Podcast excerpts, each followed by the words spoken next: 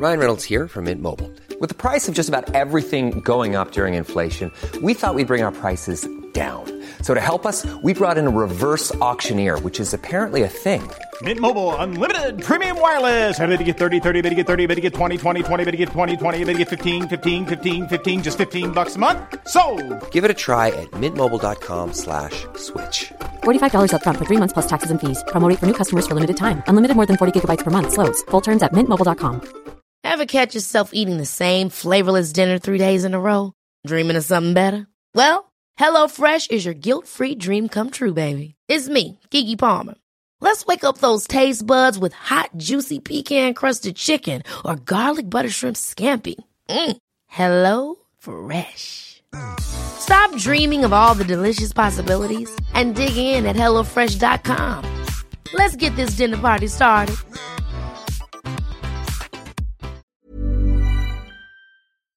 Hallå! Simon Gärdenfors heter jag och snart börjar min podcast Arkivsamtal. Ikväll, den 9 november, så kör jag stand-up på engelska i Stockholm. Och nu på måndag den 11 november så blir det premiär för en ny pop-up-klubb på Larrys Corner i Stockholm. Larrys Pop. Det är en helt sjuk line-up för ynka 120 bagis. Det är jag, K. Svensson, Johannes Bränning, Kirsty Armstrong och Kristoffer Nyqvist plus Albin Olsson. Finns bara ett fåtal biljetter kvar, så skynda att fynda som jag så skämtsamt brukar säga. Jag uppträder även i Stuvsta, Karlstad, Oslo, Motala och jag gör en massa andra gig i Stockholm också. Mer info om alla de här giggen hittar ni på gardenfors.blogspot.com. Ni får jättegärna stötta min verksamhet som entertainer på patreon.com arkivsamtal eller så kan ni swisha en valfri summa till 0760 72 47 28. Uppskattar väldigt, väldigt mycket alla som gillar och stöttar mina grejer. Ni kan också följa mig på sociala medier som till exempel Instagram och Twitter. Det är både roligt och informativt. Men nu kommer Arkivsamtal som klipps av min redaktör Marcus Blomgren. Mycket nöje!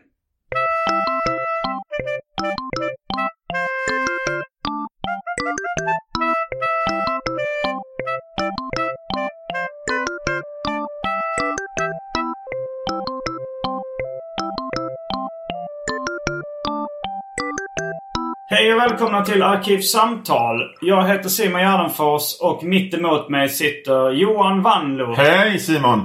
Vi sitter i din uh, studio. Ja, det kan man väl säga. Ditt Eh, kontor. Mitt kontor, jag brukar säga mitt kontor. Nej, För jag vet inte, jag har någon slags komplex. För att jag håller på med kultur. Så att jag säger, jag har mitt kontor. Ah, Ja, nej, jag vet inte. du, eh, det, det, du tycker att studio är för pretentiöst eller? Ateljé är för pretentiöst. Jag tror jag ska börja med att säga studio. Studio tycker jag låter jävligt tecknaliserat. Att det är det de säger Ja. i, i USA. Att, Det låter också jävligt media. Jävligt transmedia. Jävligt mycket att hålla på med väldigt mycket olika samtidigt. Liksom Alltså, appar. alltså. Man sitter i sin studio. Ja. Ja. jag vet inte vad de säger, de som, eh, de som jobbar med appar. Ja, men de, de, de har working spaces. Ja, de det. sitter på ställen där det är liksom typ biljardbord, flipperspel och så en cykel på väggen. det, är, det skulle jag vilja ha mest av Det allt. känns som en referens från 1997. det här. Ja, fast, fast mina referenser är därifrån. Mm, Och så, en, och så en, en, en energisk chef med uppkavlade skjortärmar som liksom Nu jävlar! Ni är inte, ni är inte programmerare, ni är ninjor!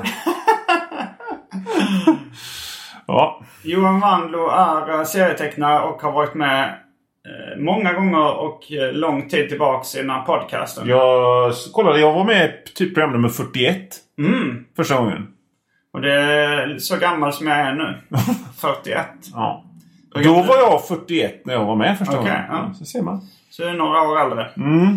Eh, idag så ska vi prata om hoarding. Just det. Det är ett ämne som du har valt och som jag antar att du har en viss eh, erfarenhet av. Om man nu kan kalla det hoarding. Det kanske är en sån här... eh, det kanske egentligen är kulturell appropriering av det. Att kalla det för hoarding.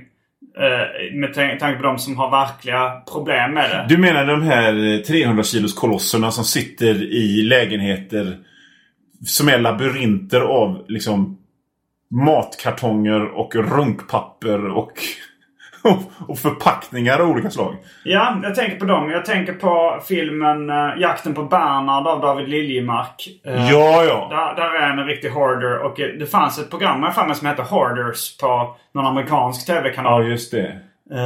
Där, där det var liksom verkligen sjuka människor då som, som inte kunde slänga grejer utan verkligen bara bunkrade upp. Ja, jag har sett några avsnitt av det.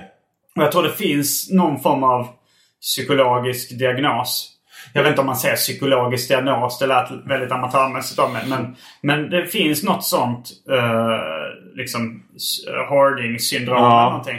Och jag, jag gissar det är inte det du har. Men du samlar på dig väldigt mycket grejer. Alltså anledningen till att jag valde det här det är ju för att vi har ju ofta spelat in i min lokal studio ateljé som har en, eh, som har en um, vidhängande lager med all min skit. Och det har aktualiserats nu lite grann för att jag ska ut ifrån den här lokalen om en månad. För, att- för att flytta till en annan lokal. De ska bygga lägenheter här. Ehm, och då är jag ju tvungen att slänga en massa grejer. Och då har jag ofta stått inne på min liksom, eh, i, i lagret och tittat på mina grejer. Och det här är ju grejer som ofta ger mig väldigt stor tillfredsställelse. Jag tittar ut över... över där är en nästan komplett samling av seriepocket. Alltså den här själva serien seriepocket som fanns. Är det även att den bara är nästan komplett? Nej men alltså den är på väg att bli komplett. Då känner jag bara haha, de här fick jag inte när jag var liten. Nu har jag nästan alla. Men sen så kan jag också tänka på en sån sak som att vad i helvete ska jag med typ en komplett samling Tex Willer att göra? Denna oläsbara jävla italienska westernserie. Och vad ska jag med vad ska jag med? Om du tittar bakom dig så, så har vi en ny, en ny eh, anskaffning där. Då har vi en hög med utrivna seriesidor ur Allers ifrån 19, 1918. Eh, men jävlar vilken snygg eh, Batgirl-figur du hade. Ja. Någon slags gam... är, den, är, den, är den så gammal som Nej, så? den är ny. Den är ny. Okej, den är fake-gammal. Den är fake-gammal, ja. Okej. Ja, just det. Men eh, snygg i alla fall. Men då kan jag, om vi nu ändå pratar om actionfigurerna så kan vi ha Ja, de är inte framme just nu men jag har hittade på i, eh, i när jag handlade mat så hade de sån här 10 kronors låda med sån här grej, och det är diskborstar och allt. Men det hade de även någon eh, Transformers som förvandlades till ett äpple. Var hade de det här? På eh, Hemköp. Okej, köpte du det? Ja, det är klart jag köpte den. så det finns ett som förvandlas till ett äpple och ett som förvandlas till ett päron. Det tycker jag är bra. Wow, det är skitcoolt. Så, följer du, eh, kollar du någonting i Arkivsamtal eftersnackgruppen Ja, på lite. Facebook? Ja. Där var det någon som postade någon slags Katten Gustav-figur. Just det. Som, alltså han har byggt in sig i en jättestor robot. Du, alltså ursäkta, det kan bli dåligt ljud. men Jag måste bara ta fram en grej för jag måste titta på den för att beskriva den. Det är en annan sån variant. Okej, men jag- måste avsluta där först. Mm, precis. Eh, men det var ju då Katten Gustav inbyggd i en stor robot. Känner du till vad det, vad det konceptet kommer ifrån från början? Är det liksom Gundam eller liksom något sånt? Ja, något sånt. Ja, det är det säkert. Ja. Men grejen är att med Gustav så finns det, det fanns, de försökte ju liksom diversifiera själva Gustav. Så de släppte ju ett gäng barnböcker. Om du tänker sig barnböcker på 120 sidor med kapi alltså kapitelböcker. Mm. Där Gustav och Audius var superhjältar. Jaha. Det var ju ett jävligt dumt koncept. Ja. Det kanske var en del av det, eller så var det bara ren piratgrej. Liksom. De hittade en Gundam-kropp och ett Gustav-huvud. Ja, det Ja, kör vi på. Jag är inte säker om det var Ja. Gundam eller om det var något helt annat. Men det här var ju då, alltså Gustav var inbyggd i en stor robot så att han satt liksom i mitten. Och så stod det I have Mondays. det är ju jättebra. Ja, men fan. Ja, men, alltså det skulle lika gärna kunna vara nå- någon som har hittat på ett meme. Ja. Eller så, för det jag ska beskriva här nu kommer ju liksom eh, göra att misstanken att det där är en grej som finns på allvar är... är, Slightly wrong. ja, Eller... Ett eller... fenomen som heter de gör t-shirts och sånt där det står uh, uh, wax on, wax on. Ja, men jag tror att det också kan vara så här liksom att, att det är en sån grej. Ironiska typer som hittar på. Så I have Mondays. Men den såg väldigt uh, genuin ut. Ja. Alltså det ser ut som... För att jag minns det från min barndom när man var i utlandet. Ja. Att det fanns mycket som piratkopior där det var liksom... Man misstänker att det är asiater som eh, inte kan så bra engelska som bara försöker, som skriver lite fel ibland. Vi, alltså, vi, vi gör så här. För att, för att vi ska vara lyckligast så säger vi att det är på riktigt. Okej, um, Men jag, alltså, jag håller nu i min hand en actionfigur, Mint on Card, som det brukar heta. I obruten Ja, originalförpackning. och då, då står det Superhero. With whipping arm and slashing sword action Dark Rider Batman. Och då är det alltså där uppe i hörnet så är det en bild på Spiderman. Ja. Och i det andra hörnet så är det en bild på Daredevil från filmen med Ben Affleck. Oj. Och själva actionfiguren är ju någon slags Power Ranger. Grön med vita rutor på. Ja, ja men Power Rangers. Och så, Jävlar ja! Jag och så sen, sen är det någon enorm jävla ehm, pilbåge. Och det mest bisarra är ju för fan att det är en jävla höna. Det är en tupp mitt den, där. här, den är riktigt sjuk. Var hittade du den här någonstans? Ja, jag hittade den i 10 kronors backen på Hemköp när jag skulle handla Den är mat ju till familjen. fantastisk. Ja visst, den är fantastisk. Eh, och du borde fotografera den och lägga upp den på din Instagram så att eh, lyssnarna av den här podden kan titta på ja, den. ja visst. Eller så Ja, lägger jag upp den i arkivsamtalgruppen. Ja, det kan du göra. Eftersnackgruppen på Facebook. Eh, vad heter du på Instagram förresten? Johan Wandlo i ett ord. Mm. Om jag ändå håller på med promotion så vill jag be alla att köpa min nyaste bok Enklare fysiska övningar. Så Ja. har det gjort. Eh, ja, det, vi kanske kan återkomma Ja. till den boken senare. Men eh, jag, jag har inte hunnit läsa Nej, den. nej. Men eh, du gör alltid bra och roliga saker. Så, Ja, tack. Så köp den. Ja, men, men vad jag skulle komma till det var ju liksom nu när jag håller på... Dark Rider Batman. just det. Ja, men den, den är... Så, men det är just, just den här jävla... Det är en, det är en, alltså jag vet inte hur jag ska... Det är en stor jävla tupp. Ja, den är ju den sjukaste. En gul plasttupp. det, det känns som att de bara de har hittat lite gammalt skrafs. Ja, visst. Alltså lite överblivna plastgrejer och sen plastat in det i någon... eh, För att den här... Den här Och på sidan står det Bright Brother med någon slags eh, liksom uh, kung fu-typ. ja, visst.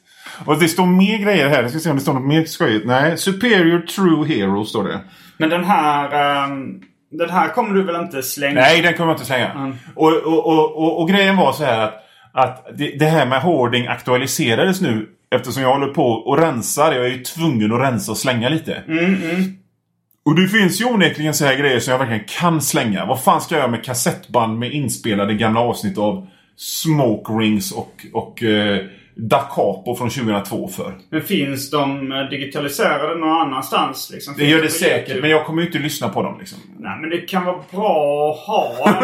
Men, men om, du, om, du, om vi nu ska titta. Det finns bakom dig så det är finns... lättare för mig att säga det. För Ja. jag vill ju att de, de ska finnas tillgängliga. Men om du tittar bakom dig så ligger det en kassettband med Blixt Gordon, Kampen om Ming. En svensk, någon slags radioteaterkassett för Oh, barn. det är väldigt snygg Ja, den skulle aldrig falla mig in att slänga. Nej. Men i alla fall, när jag stod där häromdagen och skulle slänga grejer så tänkte jag Nej, men vet du vad? Nu tar jag och går ner till någon sån här serieantikvariat med alla mina i 91 För jag har fruktansvärt mycket i 91 Ja.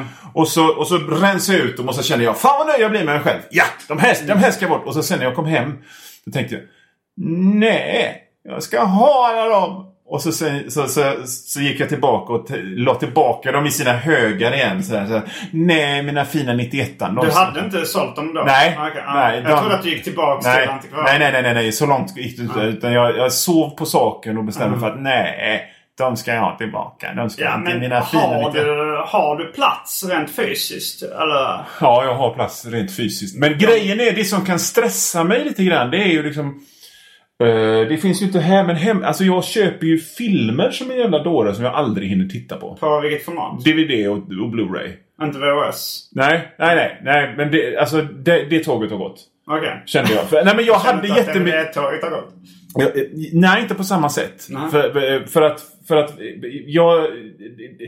Det är ju en annan sak. För jag hade jättemycket VHS en gång i tiden. Kan man spela DVD i en Blu-ray-spelare? Ja, kan man. Okej, och då fattar jag ändå att man kan köpa Ja. sådana och ha en Ja. aktuell... Och det ges ju fortfarande ut och liksom sådär. Så det, det, DVD också? Ja. Och, och det, började, det började med att jag satt och tittade på Netflix. Jag bläddrade på Netflix och såg att fredag den 13 filmen hade kommit. Så kände jag Fan vad fräckt! De ska jag se! För det har jag inte sett på länge. Och så, så fick jag tid att se dem. Då hade de försvunnit. Och då fick jag någon sån här liksom... På fix- Netflix? Ja. Och då fick jag en sån här fix idé. Jag ska äga alla filmer jag någonsin gillat eller är nyfiken på. Och nu har jag en stor jävla är ett hylla. stort eller där. Ja. Att, att, gillat eller. ja. Men jag tror att äldret är det som gör att jag åtminstone finns på hårdingspektrat va? Ja, jo, jo, jo. Så Så att, att, eh, en sak du är nyfiken på vill du äga. Ja. Så att, så att det finns... Så att jag är, kanske inte är en full-blown sån hoarder-hoarder. En sån tant som, som ett spöke går omkring i ett hus fyllt med, jag vet inte, dockor och desinfektionsmedel. Utan jag ändå så här, men jag ska... Och så blir det liksom, du vet mun, som det blir på fixerade människor. Munnen blir lite stel och blicken blir hård. Jag ska ha dem där. Men så, så, min son sa det till mig häromsistens. Varför har du så mycket filmer som det fortfarande är plast runt? Mm. Ah, jag ska se det annan dag. Det är novemberlov nu så att då ska jag... Alltså jag såg... eh, Jag såg... eh, Jag lyssnade på en podd. Mm.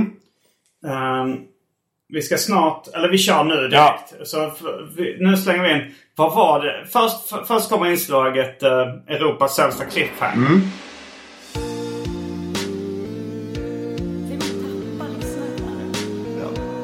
Europas sämsta cliffhanger.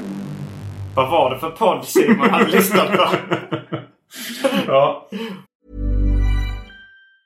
Many of us have those stubborn pounds that seem impossible to lose, no matter how good we eat or how hard we work out. My solution is PlushCare. PlushCare is a leading telehealth provider with doctors who are there for you day and night to partner with you in your weight loss journey. They can prescribe FDA-approved weight loss medications like Wagovi and Zepbound for those who qualify. Plus, they accept most insurance plans. To get started, visit plushcare.com slash weight loss. That's plushcare.com slash weight loss. Life is full of awesome what ifs, and some not so much, like unexpected medical costs. That's why United Healthcare provides Health Protector Guard fixed indemnity insurance plans to supplement your primary plan and help manage out of pocket costs. Learn more at uh1.com. Quality sleep is essential. That's why the Sleep Number Smart Bed is designed for your ever evolving sleep needs. Need a bed that's firmer or softer on either side? Helps you sleep at a comfortable temperature? Sleep Number Smart Beds let you individualize your comfort so you sleep better together. JD Power ranks Sleep Number number 1 in customer satisfaction with mattresses purchased in-store. And now, save 50% on the Sleep Number limited edition Smart Bed for a limited time. For JD Power 2023 award information, visit jdpower.com/awards. Only at a Sleep Number store or sleepnumber.com. Och eh, nu efter... Men nu har det blivit dags för det omåttligt populära inslaget Välj drycken.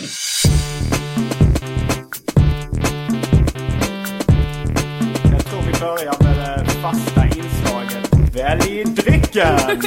Ja, Här kommer ska jag, alternativen. ska jag presentera Jag alternativen? presenterar dem i samarbete. Vad heter ditt företag?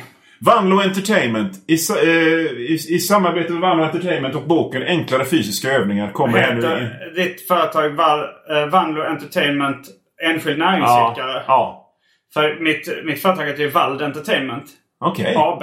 Så det är väl AB! Ja. Jo, jag tackar. Det går bra nu Simon. inte tillräckligt. Ja. Jag är med på TV och grejer. Ja, ja. Nej, jag har bara en vanlig enkel enskild firma än så länge. Vanlo Entertainment Enskild näringsidkare presenterar Välj drycken-alternativen. Ja, då är det Coca-Cola Vanilj. Jag trodde jag hade köpt Coca-Cola Lemon. Ja, skit i det. Sen är det Apotek-Arnes julmust. Mm. Och Pucko på burk.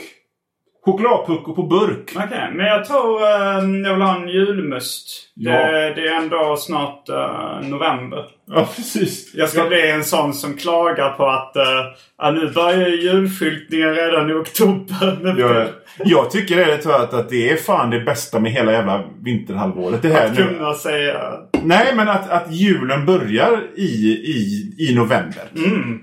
För att det är ju liksom... Och det är inte ens november. Ja, jag, jag, för, det, för övrigt så När vi väl, spelar in det här i alla fall.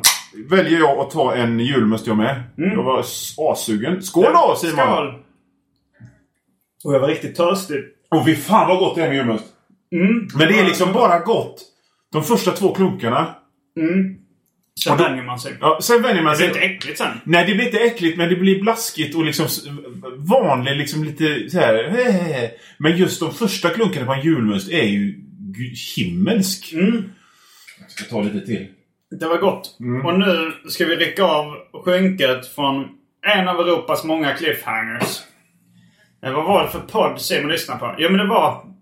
Det kommer jag inte ihåg. men, men jag kommer ihåg ungefär vad de sa. Okej. Det kan ha varit Joe Rogan som blev intervjuad i någon podd. Väldigt tidigt. Har han varit programledare för Hoarders? Alltså det är Det enda jag vet om Joe Rogan är han är en sån här UFC Mm. Ultimate Fighting-nisse. Jag, jag är, gillar inte det. Eh, jag har fördomar mot sådana. Nej, Men jag vet bara att han var, program för, han var programledare för... Det var något sånt här program där, där folk skulle göra äckliga grejer. Ja, Fair Factory. Ja, just det. Då kan jag blanda. Men, men, jag, men det, det var något samtal. Det kan ha varit... Han kan ha varit med i den podcasten. Ja. Det var någon som hade varit programledare för Hoarders i alla fall. Ja. Och då berättade han eh, om eh, eh, liksom någon kvinna de hade varit hemma hos- som hade så här, inte bara hordat utan även smetat bajs på väggarna. Men då är det riktigt konstigt. Jo, och han, och den här killen i podden han sa så här. And I was like Who raped you? Was it your dad or your uncle? And she's like It was my uncle. How did you know? Och de andra podddeltagarna, alla var väl ganska hjärtlösa svin. Ja. De fick man intrycket av. Men, de, men även de reagerade. Men hur, hur hjärtlös är du som bara frågar en sån grej? Är det- ja, men Man ska få säga använda rå humor. Nej, jag vet inte. Men jag, jag skulle göra en imitation av dig här nu, men det blev något helt annat. Det blev något helt annat. Som om si, Simon Gärdenfors kom från Kalmar. Man ska få använda rå humor. Jag tror att jag skulle formulera mig så Ja, att vet. man ska få använda rå humor. Fri, friheten är det sista som lämnar oss. Och ur tankens frihet enbart de ängsliga eh, eh, söker... Eh, eh, eh, Jag vet inte. Det var ändå den intressantaste Simon Gärdenfors imitationen. Men jag tänker på, det finns ju en imitation av William Shatner alla kör. Vem är William Ja, men han som spelar Captain Kirk. Okej, I Star Trek. Och, och alla, in, i, i, alla imiterar honom så här. Att han pratar så här. There's something on the wing. Liksom. Men han låter ju inte så alls. Men eftersom det var någon som började imitera honom så att han lät så här. Ja. Så är det liksom, det är så man imiterar William Shatner och det är inte likt William Shatner för fem öre. Så då tänker jag om det nu kan bli startskottet på att man imiterar Simon Gärdenfors så här. Att man pratar så. så Ja, det, är liksom, det låter inte alls som dig, men det är så man imiterar dig. Jag vill gärna att det blir så nu. Jo, men så var det. Det var, jag kommer ihåg serieförläggaren Ingmar Bengtsson som har gett ut många av dina böcker också. Ha- Han låter på ett speciellt sätt. Ja, visst. Eh, Men jag kommer ihåg att jag kunde inte imitera honom som han lärt sig i början. Så tänkte jag, "Ja, men då tar jag det åt helt annat håll som inte alls är likt. Så jag var såhär, Ingmar Bengtsson! det här är jag, Ingmar Bengtsson! Men jag- men egentligen låter jag mer så här. Ja, precis. Ja, jo, nej men det är helt sant. sen också- Du är dessutom som en frodig sån. Jag, jag får, Ingmar Bengtsson! någon som står och säljer typ fårskinn på en marknad. Hallå! Jag heter Ingmar Bengtsson, ja. Men, men just det här att man imiterar någon annans imitation, det är ju också väldigt vanligt. Ja. Jag vet att eh, eh, Fredrik Jonsson och David Liljemark har båda varit gäster i den här podden. Och jag, när jag ska då imitera poeten Bruno K. Öijer. Ja. Då är det min imitation av David Liljemarks imitation av Fredrik Jonssons imitation av Bruno K. Öijer. Och den låter så här. Han drog in sina klor försvann.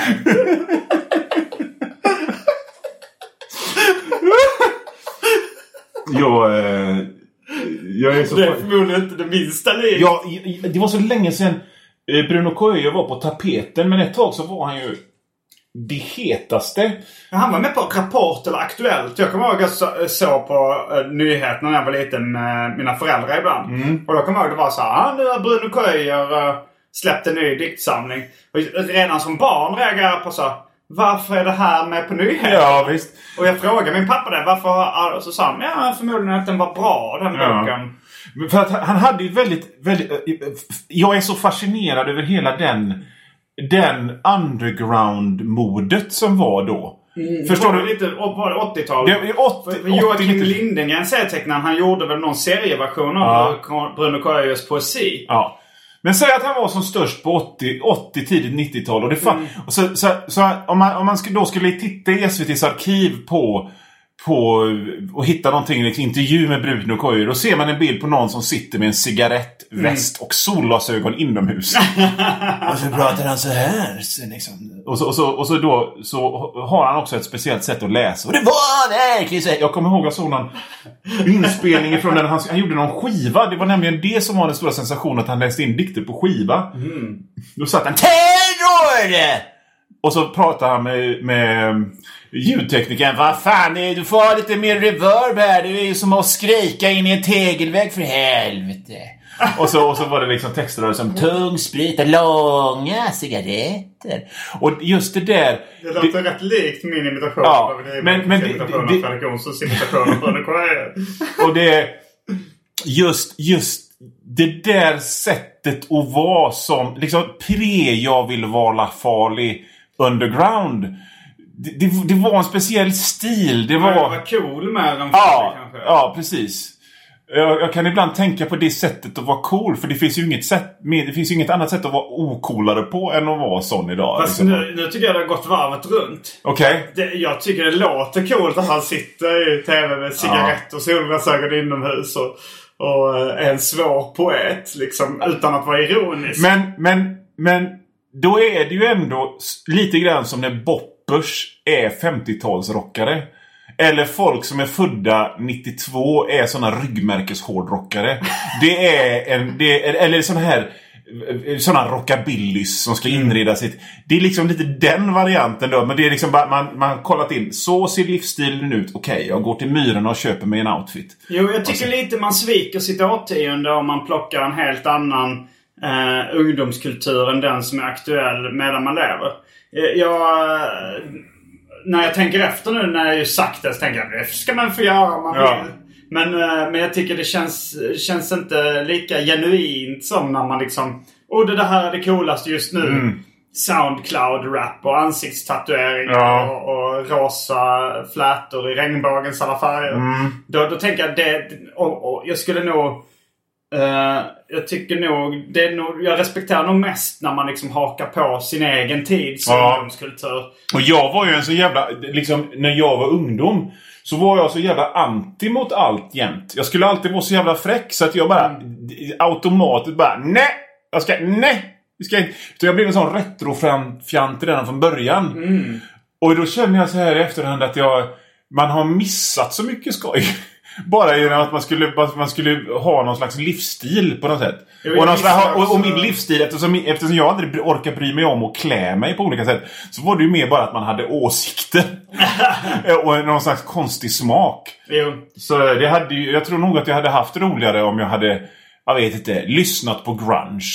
Och skatepunk, eller vad fan det kan vara. Ja, jag vet inte. Alltså, jag, jag hade ju också att jag vägrade liksom kolla på Killinggänget och, Ja. och när liksom Wu-Tang... Jag gillar ju hiphop men, men typ när Wu-Tang Clan slog igenom. Då tyckte jag nej det där är för mainstream.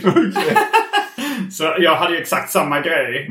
Eh, och jag missar kanske en del kul då. I efterhand har jag insett att i alla fall Wu-Tang var bra. Ja. Eh, men eh, men då, då var jag... När, det var liksom, jag vet inte om vi snackar samma ålder här men när jag var kanske runt 15. Eh, då hade jag som, som mest liksom försökte vara cool till, på bekostnad av min egen underhållning. Sen, jag kommer ihåg att jag gillade Killinggänget men så här i efterhand så inser jag nej men det, jag, det, det var ju Det var ju Ronny och Ragge jag tyckte var kul. Ja, de gillade jag Ja. ja. sig. Fast de var ju lite yngre tror jag. Nej men de var ungefär samtidigt. För att om vi säger, jag minns det som att eh, Ronny och Ragge var stora ett halvår innan Killinggänget kom. Mm, mm. Eh, sådär. Jag tror det är lite längre tidsspann Okej. emellan. Alltså så här, för, jag, jag, åtminstone när liksom de olika debuterade. För jag kommer ihåg att när, jag var, när Ronny och Ragge kom. Då var jag så pass liten att jag liksom inte försökte ha en cool humorsmak. Mhm. Men sen när Killinggänget kom. Då tyckte jag att det här ska inte jag haka på. Men vad hakade du på då? Satt du och lyssnade på Povel Ramel och sånt då? Eller vad? Nej, nej. Jag, det var mer eh, underground än så. Jag läste ju bland annat eh, dina serier okej. från eh, Optimal Press och sånt där. Det var ju ändå... eh, alltså, jag läste ju fanzine. Det var ju Ja. underground och kom kontemporärt. Ja. Eh, och jag lyssnade på sådana här liksom, kassetter med kanske Absolut Rare Zombie och, Ja, ja, ja, just det. och även kanske de Roy Rövmun och Binnike Bengts orkester. Den ligger där bakom dig någonstans. Kan jag säga. Vanställd kassett. Ja, ja. Mm, den tyckte jag var skitkul. Och, och sån kultur liksom. Mm. Ja, men allt som var, ansågs eller skulle kunna tolkas som underground. Ja, ja. Det tyckte jag var coolt. Okej. Mm. Eh, mm. Så... eh, men, men en tråd vi tappade i början. Det Ja. var något av det första referensen du nämnde. Det var de här seriepocketarna som Mm. hette... Hette de bara Då hette bara Seriepocket så var de numrerade och så kunde det vara 91 ena gången, Blondie nästa, Fantomen nästa, Helgonet nästa. Vilket förlag? Vilket år? Semik tror jag. Eh, jag skulle, 80-tal, eller? skulle tro att i slutet på 70-talet genom, genom 80-talet. Jag vet att nummer 161 är den sista. Mm. Det är Buster och den är svår för den kom ut i som liten upplaga. Men du har den? Nej, jag har den inte. Jag kan- kanske har den. Jag vet inte. Får kolla. Nej men just det här med hoarding. Alltså jag, har, jag är inte lika illa däran som du är. Nej, Men jag har- jag, vill bara, jag vill bara säga en sak. Jag tyckte det var intressant för att sist, sist du gjorde ett, ett, ett, eh, vi gjorde ett program så var du hemma hos mig, hemma i min lägenhet. Och... och Det är eh, väldigt välordnat. ja, ja, det är välordnat. Ja, men det är välordnat. Men eh, vid ett tillfälle så ser jag hur du stelnar till. Mun, mu- munnen blir liksom... Munnen... blir- Du får liksom plågat ansiktsuttryck. Och du vet inte om att jag tittar på dig. Och ytterst långsamt så stänger du dörren till vår klädkammare. Va? Ja.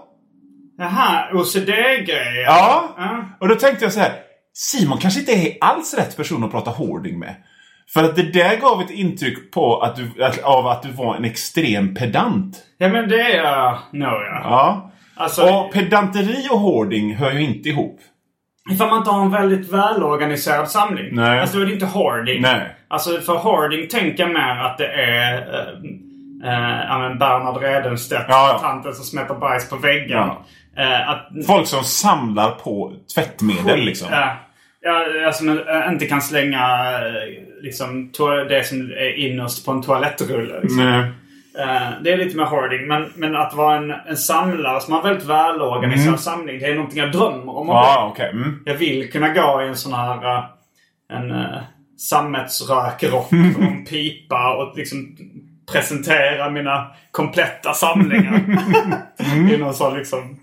Eh, Det finns något i första eh, numret av serietidningen Simpsons. Så, eh, det. För det är ju sån här liksom, de, de gör en grej då att det här är första numret och det här kommer att bli ett samlarobjekt. Ja. Och då är det en sån serie om när Homer inom fantasivärld är en sån excentrisk samlare. Ja, Han är det. verkligen en sån som går runt i rökrock och pipa och visar upp sin bibliotek. Liksom. Ja. Och sitt seriesamling. Men för det, det tycker jag det verkar fett. Alltså det är det. När, när, när jag tänker att min sexualdrift sakta är nära, eh, liksom fejdar ut och Ja. på noll. Då kommer det vara min stora passion. Ja, ja. Den här liksom samlingen. Att man... eh, För det, det kan man ju hålla på med hela livet. Ja, ja visst. Och så kommer det ett mejl. Jag har skådat ett exemplar av Raw 11. Och du ger dig iväg på jakt efter detta. Ja, ja men det... Ja men tänk det. Då, då, och då är liksom alla resor och sånt man kan göra. Då är det själva liksom... Ja. Man ska hitta de här... eh, men jag, jag fantiserar mycket om att samla på grejer också. Ja. Nu, det senaste som jag börjat, vill börja samla på det är Popsys figurines. Vet du vad det är för Nej. Det var David Liljemark som skickade ett foto av eh, att Daniel Klaus samlade på dessa. Mhm. Det, är några, det är några små figurer. Jag vet inte om de är av plast eller av trä. Jag tror de är från 60-talet. Okej. Så jävla snygga. Ja. Eh, och, och så då tänkte jag det för jag ska nog börja. Jag, jag planerar faktiskt att flytta nu också för Okej. första gången på... eh, Jag tror jag har bott i samma lägenhet 18 år. Ja, Jag ja. kanske blir 19 innan jag hinner flytta. Men jag har börjat kolla på nya lägenheter. Okej. Och då drömmer jag liksom om att rigga upp med så här display-monters, Ja. vitrinskåp med olika plastfigurer och snygga objekt. Alltså man blir ju onekligen väldigt... Det är ju en väldigt tillfredsställande känsla. Både skaffandet och displayandet och grejer. Men jag är... Just det här... Jag är ingen kompletist. Jag, jag, och, det är det som gör att jag kommer in på hoardingspektrat. Det, det är att jag, jag kan lika gärna släppa det lika fort.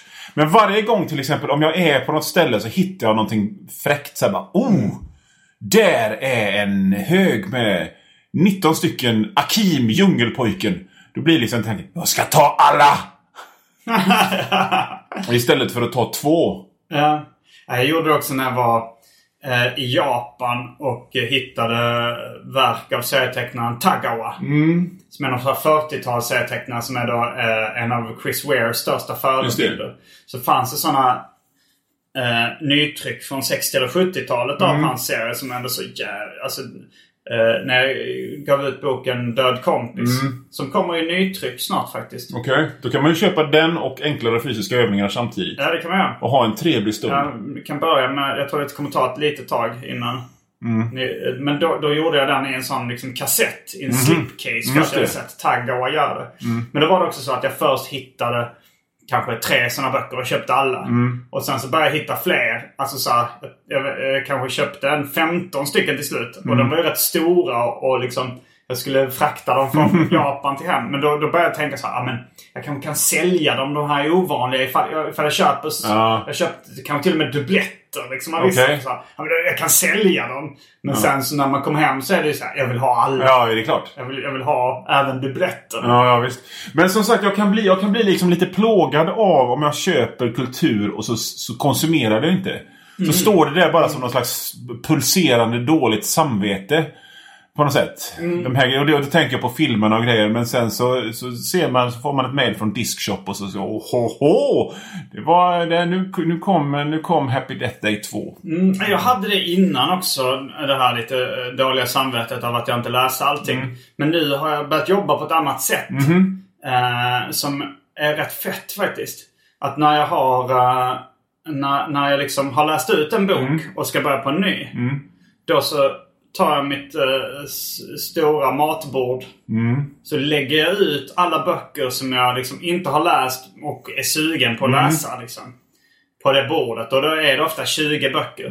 Och då kan man bara stå där uppe och vibba lite. Mm. Ja, ja, ja. Och känna så, vilken är jag mest sugen på? Ja, just det. Men fan, ja det Och, låter... och då, är det då, är det rätt, då är det rätt njutbart att ha mycket att välja Mm, på. ja, men det är Så sant. Här är liksom eh, 20 böcker jag inte har läst som jag är sugen Mm. på. Men vilken är jag mest? Och sen väljer jag den jag är mest sugen på. Ja. Ja. På den härnäst. Det låter som en bra... Och, och jag menar, för, för att vända det här till något bra då. Så, Mm. så till exempel så fyllde ju Batman 1989-filmen 30 år nyss. Mm. Och då kände jag...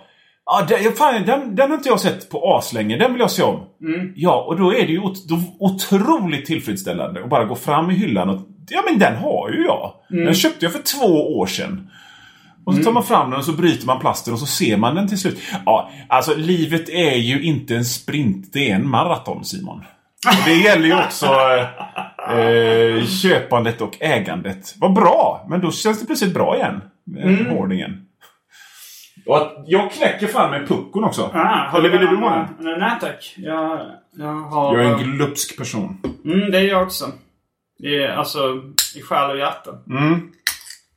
Egentligen. Ja, men det, jag, jag fikade med en kompis och eh, då gick vi till något så här snofsigt café med vet, årets pristagare i bag, bagar-SM eller någonting. Och jag hade fan slängt i mig min kaffe och tryckt i mig den här eh, jävligt goda bakelsen på... Eh, innan han ens hade börjat med sin. Och jag, eh, det, det bästa som finns är ju när man hittar en annan kompis som är glupsk. Så kan man vara glupsk tillsammans. För att jag och en annan kompis, vi hade, det fanns ett ställe i Göteborg som hade otroligt goda kanelbullar. Och eh, så gick vi dit och så åt vi en. Och så satt vi båda och var missnöjda. Så vi liksom andades in de här. Men mot slutet så var det bara att vi tog tre. så först en för att liksom släcka det omedelbara behovet. Sen en, en som man kan njuta av då. Eftersom själva sugenheten är över då, den värsta. Så har man en som man, och så sen en sista för att liksom bara toppa av. Liksom en sängfösare på något sätt. Ja, det var... eh, Jag jobbade på serieförlag. Äh, Egmont då ett tag. eh, Mats Jönsson som, som dog eh, tyvärr. Han var formgivare där. Han var från Helsingborg tror jag. Träffade du honom någon gång? Ja, ja visst. Jag kommer inte ihåg han då. Något. Han var eh, redaktör för Svenska serier också. Ja just det. Han har varit redaktör för lite olika tidningar tror jag. Men eh, det var kanske något hjärtproblem eller någonting han dog av. Man vet aldrig. Men eh, han, han sa så vi skåningar, när vi, jag var på någon slags matbuffé med honom. Och han lät lite grann som Sven Melander. Det här är inte för, för mycket en stretch. Eh, men han sa, ja men vi skåningar när vi går på buffé då äter vi alltid, tar vi alltid tre portioner. En gång för att man är hungrig, sen en gång för att det är gott. Och sen en gång på ren djävulskap. Ja, eller jag skulle ibland, ibland tänker jag när jag äter på buffé så kan man... För prisets skull, liksom. För att det ska vara prisvärt. Ja, girighet Ja. och djävulskap. Ja, det, det blir ju mer... För du, du förlorar inte... Du tjänar eller förlorar inte mer pengar oavsett vad du tar. Nej. Men det blir ju på ren djävulskap att du skadar bufféägaren lite ifall du tar en extra portion. Ja, visst. Absolut. Fast det kanske är bara att han slipper slänga. eller- Han, han sitter liksom med sitt lager med, du vet, flodda katter. Som, som, de, som de kallar för kyckling sen och bara skrattar. Nej men det här att ha en glupsk kompis. Eh, först och främst tänker jag på Elvis Presley och eh, Lamar Fike. Lamar Fike, vem är det? Eh, det är Elvis glupske kompis. Jaha, okej. Eller var Elvis glupske kompis. Jag tror att båda är döda. Eller vet att Elvis är död. Eh, även om vissa tror att Elvis fortfarande Mm, lever. Jag vet inte om det, den kulturen fortfarande finns kvar. Folk som tror att Elvis fortfarande lever. För det var... Men... eh, Men, ja, ja, ja, nej, fortsätt. Jag, hade en sid, jag var på väg in på sidospår men vi skiter i Ja, det. vi kan ta det senare. Mm. Du får knyta en rosett runt fingret så du kommer ihåg sidospåret om folk som tror att Elvis Mm. fortfarande lever. Nej men han, eh, Lamar Fike. Eh, jag läste boken Memphis-maffian berättar. Mm. Elvis Aaron Presley. I tre volymer då, en Elvis-biografi. Mm. Mest för att jag var intresserad av Elvis matvanor. Ja, ja visst. Men då var det Elvis, eh, en av dem liksom han hängde med hela tiden nästan. Och typ bodde nog där också på Graceland. Mm. Så här. Det var då Lamar Fike. Elvis svullne kompis som också älskade mat. Mm. Och det var de två då som liksom tog Elvis privatjet och åkte iväg och åt eh, liksom stora submackor med jordnötssmör och sylt på Mm. något speciellt ställe där liksom som var tvungna att flyga till och sen bara flög tillbaka. Och det, det låter ju roligt också. Ja. Och i morse så, så träffade jag Agro här i Mm. Göteborg som också varit gäst i den här podden. Och vi, och vi gick till eh, Kitchen då. Mm. Som jag, jag har sett foton av Agro innan. Då, två månader tillbaka så började de specialisera sig på färgglada frukostflingor. Okej. Eh, alltså så amerikanska... Cheerios och ja, allt sånt vad det heter. Eh, ja. Ja. Eh, så då, då blev det verkligen... Det, det kändes eh, ganska mycket som Elvis och Lamar Fike-känsla. Liksom, vi, vi gick upp dit på morgonen. Uh, jag då eh, tog... Man, man fick välja så här, två olika fruk frukostflingor i en skål. Eh, jag tog då uh, något som hette eh, Unicorn. Som Okej. var färgglada ringar. Mm. Och då cinnamon toast som var så um, söta uh, kanelflingor. Mm. Och sen så fick man liksom topp, fick man välja två toppings. Då tog jag jordnötssmör och M&M. Då bara slafsar de ner klickar med jordnötssmör i mjöl, eller liksom i skålen. Ja, ja. Eh, och sen så fick man M&M's kulor då. Jordnötter med dragé. Ovanpå det. Och sen så hällde man på mjölk. Och sen beställde jag in en så här eh, en melt då som är en toast med tre olika sorters ost i två olika lager. Och Agro tog eh, ungefär samma fast en ännu större macka med eh, macaroni and cheese och tonfisk. Och det, det blev- var, var verkligen så börja dagen med sånt frosseri. Det var så mycket socker, så mycket fett, så mycket färger. Men jag gillar det. Ja, jag gillar det också. Eh, det, jag, jag måste testa det här stället. Problemet är att jag har ju fått... Eh, vi har ju pratat om det här förut. Gärdenfors syndrom. Och, och, och, Gardenfors syndrom. Gardenfors- har internationella ambitioner med det här. Eh, men jag, alltså, jag, jag har en tendens att bli fet liksom. Och det, det, jag, jag hatar det när jag blir det. Eh, Ja, ifall jag, ifall jag inte... Ifall jag bara äter vad jag vill. Ja. Då går jag upp ett kilo i veckan. ja. När jag var i USA i tio dagar då, då gick jag upp eh, två kilo. Okej. Eh, men, Men det är ändå väldigt lite. Det är ju sånt som kan gå upp på en dag och Jo, försvinna men på en om dag jag ändå. bara skulle slappna av helt så är det 52 kilo på ett år. Ja, jo, det. Det är mycket. Men, Så på eh, tre år så... Men så att jag, jag äter väldigt lätt till vardags. Ja. Och sen så liksom eh, när jag är i USA eller, när jag, eller Göteborg Ja. eller någonting. Då så bara så här, ja men nu, nu tar jag, nu tar jag en, en dag av eh, frosseri. Men när du är ute och giggar. Mm. Kan, eh, liksom, kan, du hålla, kan, kan du hålla det här lättätandet även när du vaknar upp i ett hotellrum i Kalmar? Eller vad man kan säga. Eh, Ibland För kan jag... För jag För alltså, det mesta går jag ner och, och tar då en... eh, gör din egen våffla med sylt och grädde. Mm. det första jag gör. Så det, det brukar vara svårt att undvika det. Ja.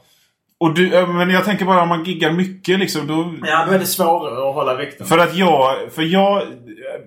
Och jag försöker hålla vikten till vardags.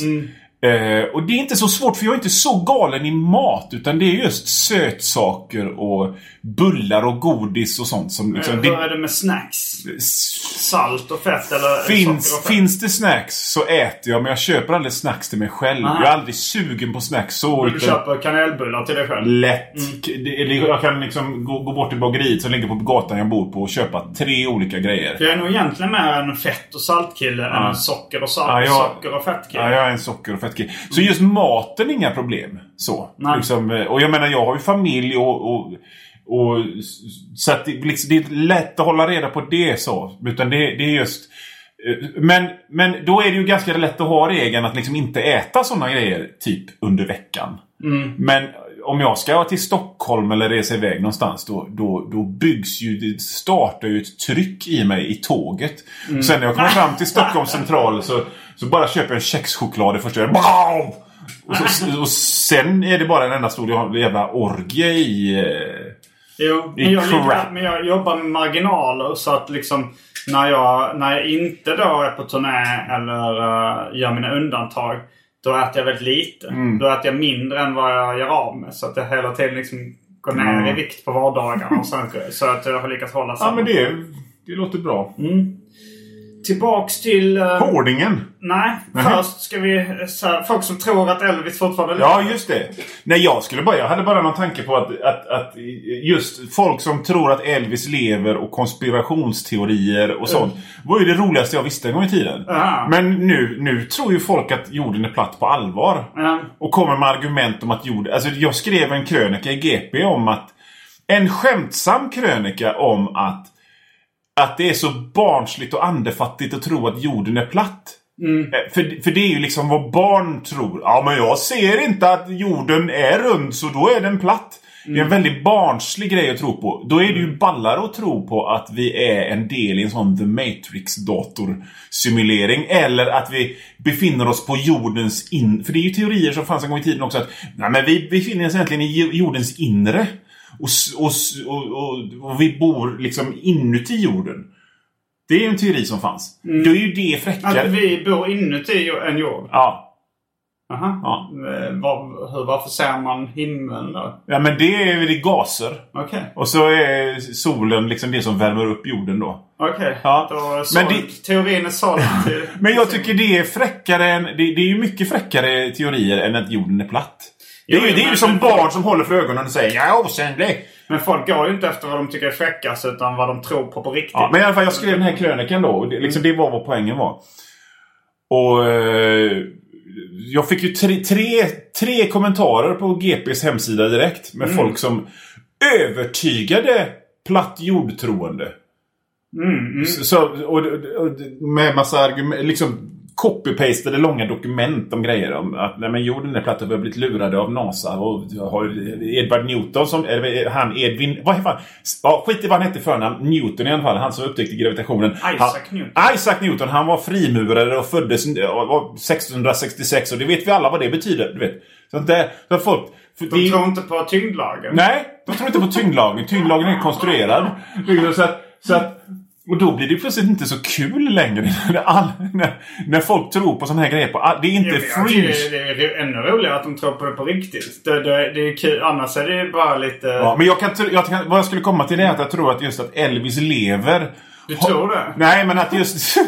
ja, okej, vi köper det. Det blir en livsstil nu att Elvis lever. Men just det här troendet på att Elvis lever är ju... Jag tror den har blivit bortspolad i den flodvågen av dårteorier som finns just nu. För att liksom, det finns väl ingen som bryr sig om Elvis så, utan...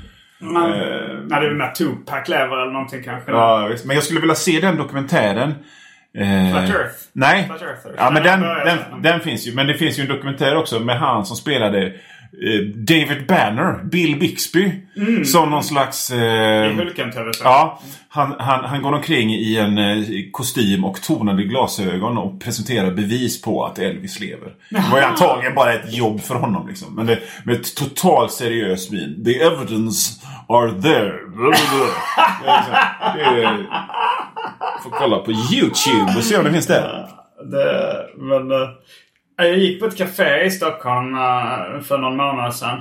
Och Ja. då så, eh, jag brukar gå och köpa kaffe där. Och Ja. sen så liksom han som står bakom kassan när jag betalade så sa han bara så här, Du vet att jorden är platt va?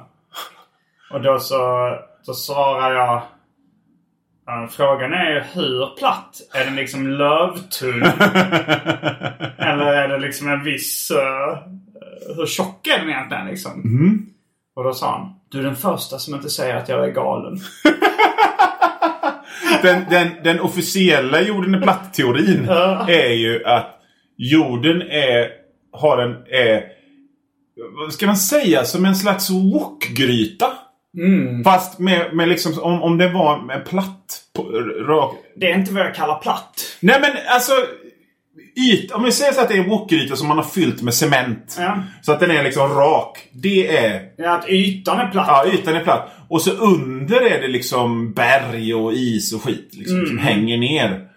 Det är en, det är en Men stor... är den inte jätteplatt. Nej. Nej. Den är... Den, Sen har bara en, eh, den är... en platt yta. Ja. Så, En, en platt sida. Det var, men det var det jag störde mig lite på när jag såg den uh, Flat Earth-dokumentären på Netflix. Mm. Och det var skönt att få, få lufta den teorin. men han, han tyckte bara det var skönt att jag inte sa att han var galen. Alltså, jag tycker det är ju mycket fräckare att tänka sig att vi är en datorsimulering alla The Matrix. Än att jorden är platt. Mm. Så om jag skulle välja någon så, så skulle jag den. Då väljer jag att Elvis lever. Det ena slu- utesluter ju inte det andra. Nej, alla Direkt. tecken stämmer. Ja. Eh, och sen har vi också teorin judarna. Jag eh, himlar med ögonen. ja, men jag tillhör ju också minoritetsfolk. Jag, alltså, jag ser mig själv som, som rödhårig. Så att, eh, Mm, du är inte jätteröd. Nej. Min son som är rödhårig på riktigt blir vansinnig när jag säger det hela tiden. Att du är rödhårig? Ja. Ja. Men vi rödhåriga, vi måste ju hålla ihop. Du är inte rödhårig! ja. Hade du något mer, något mer på Harding? Eh, Eh, nej, jag ville, jag ville bara... Alltså, jag hade inte något mer på hoarding mer än att det vad vi berat av. Det här att jag inte kunde göra mig av med mina 91 Att jag har skaff... Man, man får någon slags... För, för, om man, för mitt hoarding är ju mest filmer och serier då. Ja, det är ju lite actionfigurer och sånt. Men det är ju mest... tecknade serier då måste Ja. vi förtydliga för dagens unga. Ja. Unga vuxna. Ja, precis. Eh, det, jag har ju lite... View, view, vi- om vi tittar här så har vi liksom mina, min Viewmaster-samling. Men det är ju inte det att jag vill ha alla Viewmasters. Jag vill bara ha fräcka Viewmasters. Viewmaster Reels. Alltså det är ju såna här små... Man har små tjocka plastglasögon eller kikare och så sätter man i små runda Och det, det, det dem. där är för övrigt en Viewmaster-projektor. Ja, ja, ja. För Viewmaster, eh, man har... Vad kallas en sån som står över den då? Det här är själva... Eh, jag ska försöka beskriva. Det är kanske det som är Viewmaster. Det här är själva Viewmastern och det är en sån här klassisk röd Mm. klump. Och så sätter man dem för ögonen och så håller man upp. Och så ska det vara då vara 3D. Men jag kan inte se 3D. Serietecknaren Joe Matt samlar också på Viewmaster Reels. Ja. Han är också, har gjort mycket serier om hoarding.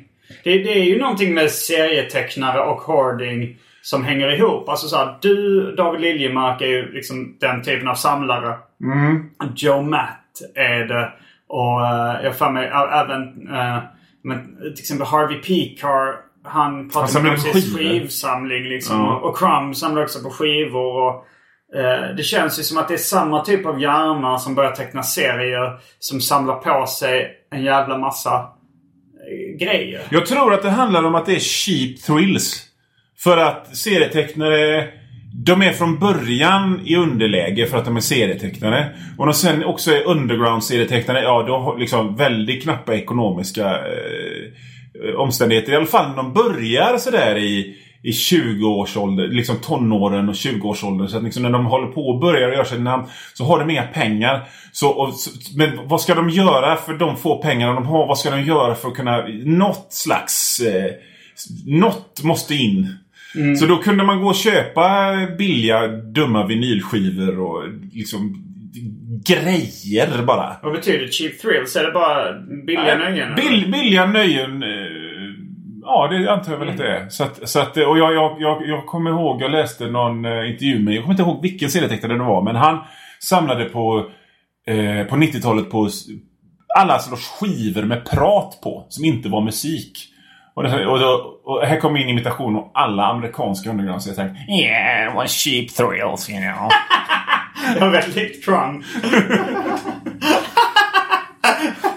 Hörde- Man hör aldrig någon serie, en amerikansk serietecknare som pratar så här. Well, they're cheap thrills, you know. Aldrig, aldrig. Utan, yeah, yeah, I feel nauseous. Jag hörde Daniel Klaus och eh, Chris Ware, på, jag tror det var i Norge, Ja, just hade det. föredrag inför lite folk. Jag, vet, jag tror vi citerade i Chris Ware-avsnittet också när han när han, de, det var någon som ställde en fråga när de hade någon sån panelsamtal inför Ja. publik som var så här, Well, you know, we're not professional talking in front of people, guys. we're, we're professional stay at home guys, you know.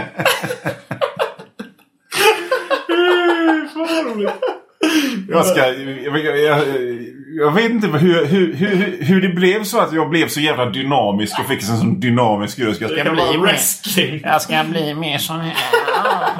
Men du vet, det är någonting med engelskan som gör på något sätt som, som, som, som gör det där mycket enklare liksom. Men det, wow. Men det finns det, det, varenda självporträtt. Precis alla självporträtt som Robert Crumb någonsin har gjort. Då är det, om han inte, om han inte liksom typ sätter på någon så det skvätter så är det liksom hur han är kut i rygg och så håller Håller han sig på magen så är som att han är liksom lite illa med oh, I feel nauseous. Jag var på en, en av de få, eh, jag måste ha berättat detta i det här programmet förut, men skit i det. Jag var på bokmässan och så såg ett seminarium med Robert Crumb.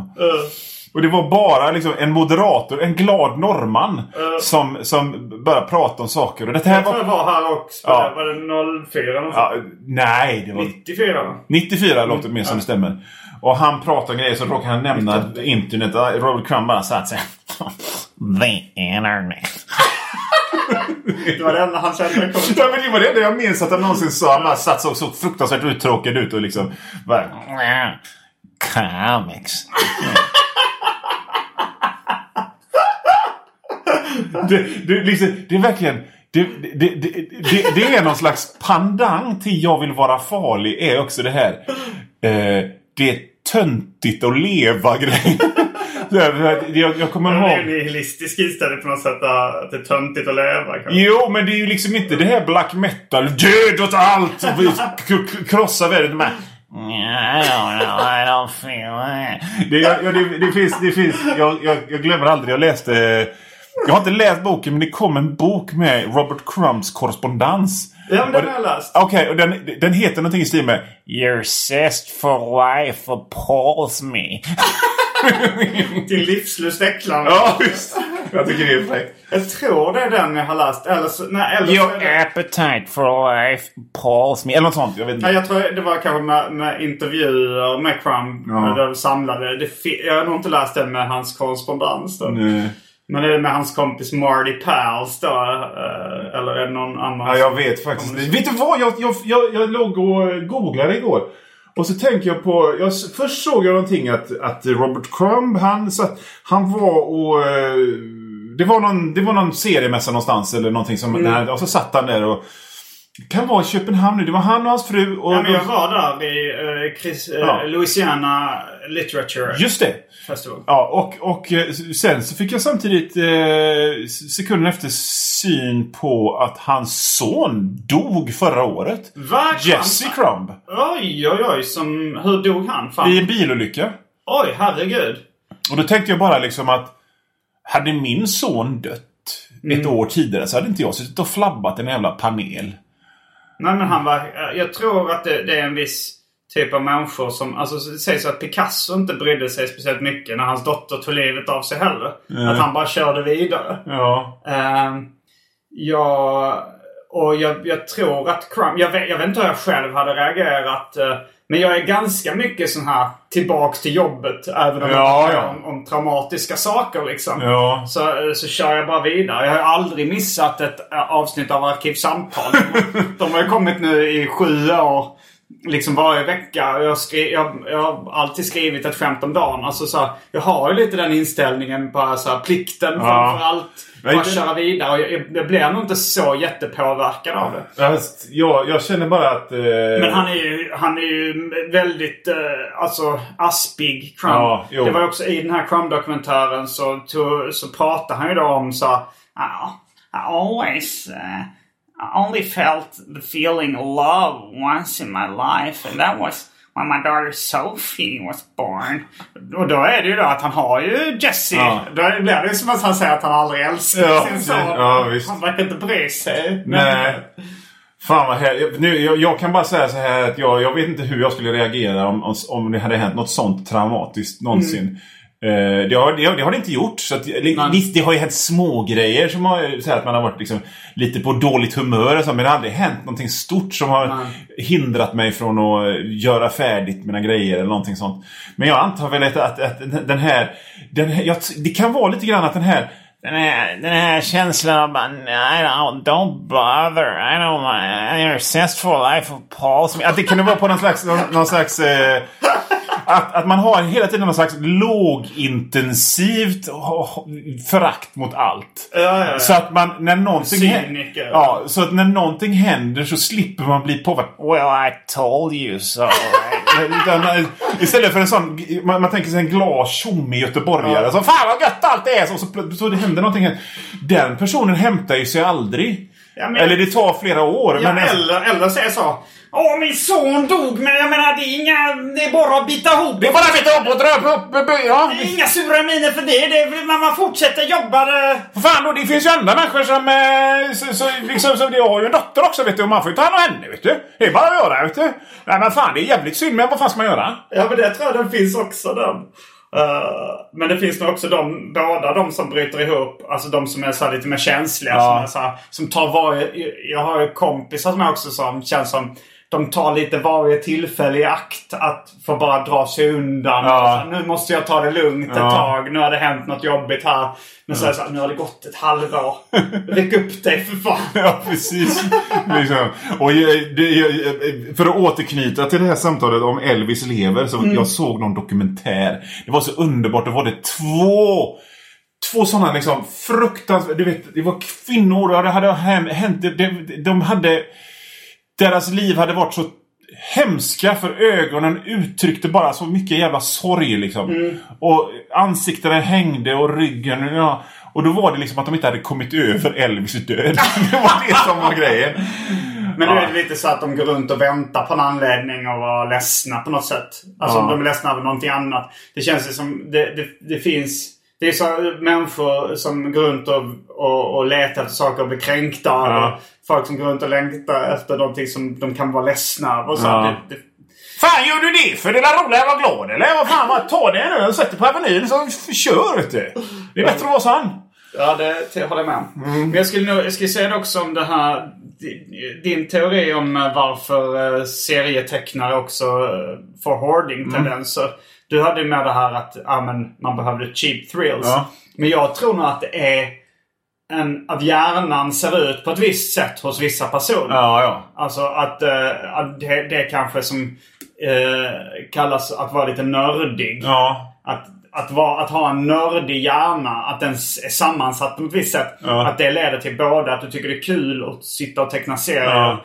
och att du tycker det är kul att samla. Att det är lite samma, samma sorts Du, hjärna. Som du, du hittar inte någon serietecknare i, i något spektra tror jag. Alltså Underground, 91 Du hittar inte en serietecknare som bor i en villa där de har ett vitrinskåp med eh, porslin som de aldrig använder, tror jag.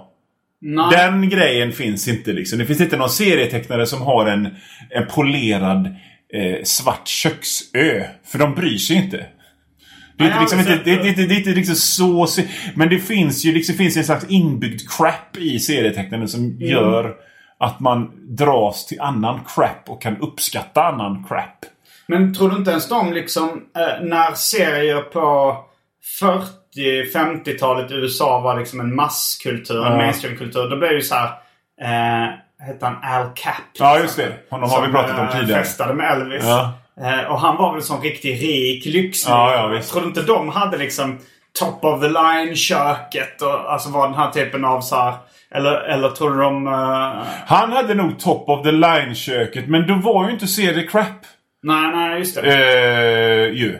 nej, Och- då men- var det som att vara en, en Netflix-tv-producent. Ja, liksom. Precis. Och jag tänker också, jag menar, men jag tror att Al Cap som levde, levde i sus och dus hörde till undantagen. För att Mm. om man läser om serietecknare från den tiden, som till exempel, vad fan heter han som gjorde Dick Tracy? Ja, just det. Vad heter han? Eh, Jag kommer inte ihåg det just nu. Men, men det var ju sån här som... Jaha! Gold. Chester Gold. Chester Gould ja. Eh, eh, Det, det var ju mer. Ja, pengarna ska in. Det enda jag bryr mig om är liksom... Jag, jag signerar inte mina serier för att det, det, det enda jag bryr mig om att sätta min signatur på är checken när den kommer.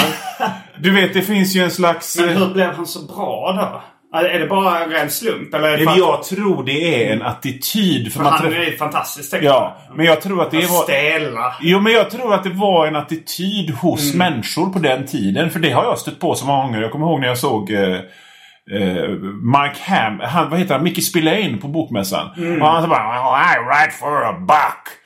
Du vet, han, brydde sig. Han, han, han, han körde ner det han gjorde så jävla mycket. Liksom. Det var I write for a buck and Jo, that's jag, jag it. tror det var lite cool det var- inställning. det var en cool inställning. Men det finns ju bland eh, amerikanska rappare idag så här, eh, att det så här, It's all about the cheddar. Ja. Liksom att det bara handlar om pengar. Men det är det ju ändå... uppenbarligen. Nej, och det är ju samtidigt lite bling-bling i det här. Men det här var med med sätta söndagssteken på bordet, tanken och få pengarna Ja. till universitetet till ungarna. Men jag tror att det bara var en pose. Ja. För att om man läser Mickey Spillane så är det liksom ett sånt rödglödgat hat mot allt i botten. Och jag menar likadant, likadant Chest- Dick Tracy, den är ju fylld av en passion liksom. Mm, han verkar ju gilla att teckna. Ja. Men också till och med min farsa som är liksom, han fyller 70, eller han har fyllt 70 nu. Mm. Men han är också så här, han är filosof då liksom. Okej. Kommunikationsforskare. Och han körde ofta med det så här, "Ja, men jag gjorde det för pengarna. Ja, att det är, så här, att det, det är lite cool, alltså än att göra någonting för, alltså, för äran Ja. eller, eller liksom att det passionen Ja. och sånt där. Det, den generationen, de vill nog vara, vara, mer så här sås och potatis Ja. på bordet inställningen. Ja, visst. Eh, det är Men det, det, rättskaffens det är ju onekligen väldigt, ett väldigt effektivt sätt att sätta folk på plats. Så här, för jag, jag menar, när jag var yngre, för jag var ju etablerad jävligt tidigt. Mm. Så kunde man, nej, nej. Så pratar man med up and coming människor så här, liksom, som bara brann av en passion och bara de skulle ge sin högra fot för att vara där jag var. Så bara, Mm. så, äh, det är inte svårt alls. Nej, det är inte kul egentligen. Jag tycker mest om att käka kinamat framför tvn egentligen. Det är ju det som är min hobby. Men det är ju inte sant. För fan, jag... Jag... Jag brinner för att skriva Helge. Som, som jag gör bara för pengarna. Är ju ändå bara så här liksom... Åh! Var med i en serietidning. Fan vad fräckt. Men det är ju liksom... Jo men den är ju rolig. Jag brukar, jag brukar tänka på och kanske citera den skämtteckningen du har gjort som är så här. Om jag hade fått en krona för varje gång någon Ja, frågar just det. är det inte kul att kunna leva på sin hobby? Så hade jag varit så rik att jag hade kunnat eh, ägna mina dagar åt min riktiga hobby som är att käka kinamat framför TVn. Ja. Det låter ju grymt att käka Det kinamat låter grymt. framför Ja. TVn också. ja, visst. Det låter ju nästan ännu roligare än att vara Chester Gold. Ja, ja liksom, han var ju bonde. Eller hur uttalar Chester Gould? Jag vet inte. Jag, jag säger Chester Gould, men... Mm. Ja, jag vet. Men eh, han var ju bonde också. Han bonde samtidigt? Jajamän. Bonde först? Han hade en farm som, som han skötte samtidigt som han ritade serien. Oj! Så att det... eh, Ja, en riktig kar. Nej, en riktig karl. Det är inte som jag som liksom får, får stävja en instinkt och ringa fastighetsskötaren när toarullen är slut. Kan man säga om äh, mig så här, men han var podcaster också. han var tvungen att gå upp och rappa tidigt på morgonen. Det var inte bara sitta och teckna serier. Jag måste börja rappa så att jag kan, så att jag kan, kan säga det om mig själv. Ja, fy fan. Mm, men jag tror eh, det är dags att börja runda av det här. eh. Ja. Du, du, var hittar man din bok lättast? Man hittar den väl på internet. Hittar man enklare fysiska övningar. Alltså. Man hittar eh, enklare fysiska övningar av Johan Wanlo på internet.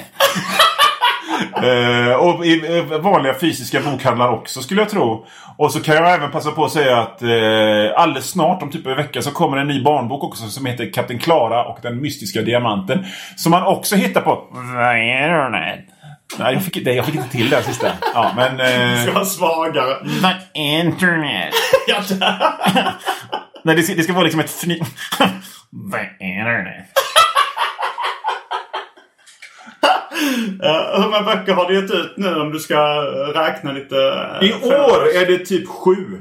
Sju år totalt. 42 säkert. Jag har, jag har faktiskt tappat räkningen. Oj, oj. Men alltså av de här böckerna som jag, som jag, de sju böckerna som jag kommer ut med i Mm. år. Så är det tre egna och då är det Enklare fysiska övningar, Kapten Klara den mystiska diamanten. Och sen så kommer det en Flygande kaninen i rymden. Mm. Som säkert finns ute nu för den finns bara i sån här Pixie-kalender. Och sen resten är sånt som jag har eh, illustrerat. Så det är bland annat en, en barnbok om fotboll och en samling med Bellman-historier och sånt. Och något mer. Och sen så är, när jag tänker efter så är det tio böcker. För det har kommit tre helgesamlingar också som jag medverkar i. Grattis Johan. Mm. Du har blivit den sås och potatis på bordet-tecknaren du har drömt om att vara. Jag bryr mig inte. Jag hade lika gärna kunnat jobba som flyttgubbe. Det var allt från veckans avsnitt av Arkivsamtal. Jag heter Simon Gärdenfors. Och jag heter Johan Wanlo. Fullbordat samtal. Ever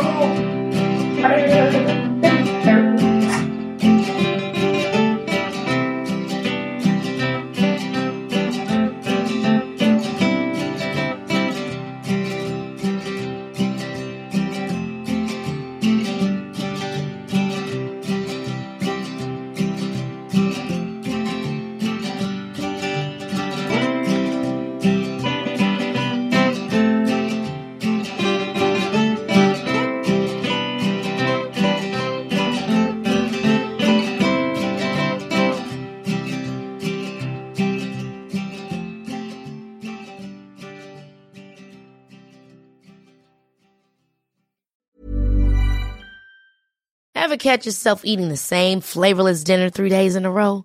Dreaming of something better? Well, HelloFresh is your guilt-free dream come true, baby. It's me, Kiki Palmer. Let's wake up those taste buds with hot, juicy pecan-crusted chicken or garlic butter shrimp scampi. Mm. Hello Fresh. Stop dreaming of all the delicious possibilities and dig in at HelloFresh.com. Let's get this dinner party started. Planning for your next trip? Elevate your travel style with Quince. Quince has all the jet setting essentials you'll want for your next getaway, like European linen, premium luggage options, buttery soft Italian leather bags, and so much more. And is all priced at 50 to 80% less than similar brands. Plus, Quince only works with factories that use safe and ethical manufacturing practices. Pack your bags with high-quality essentials you'll be wearing for vacations to come with Quince. Go to quince.com slash pack for free shipping and 365-day returns.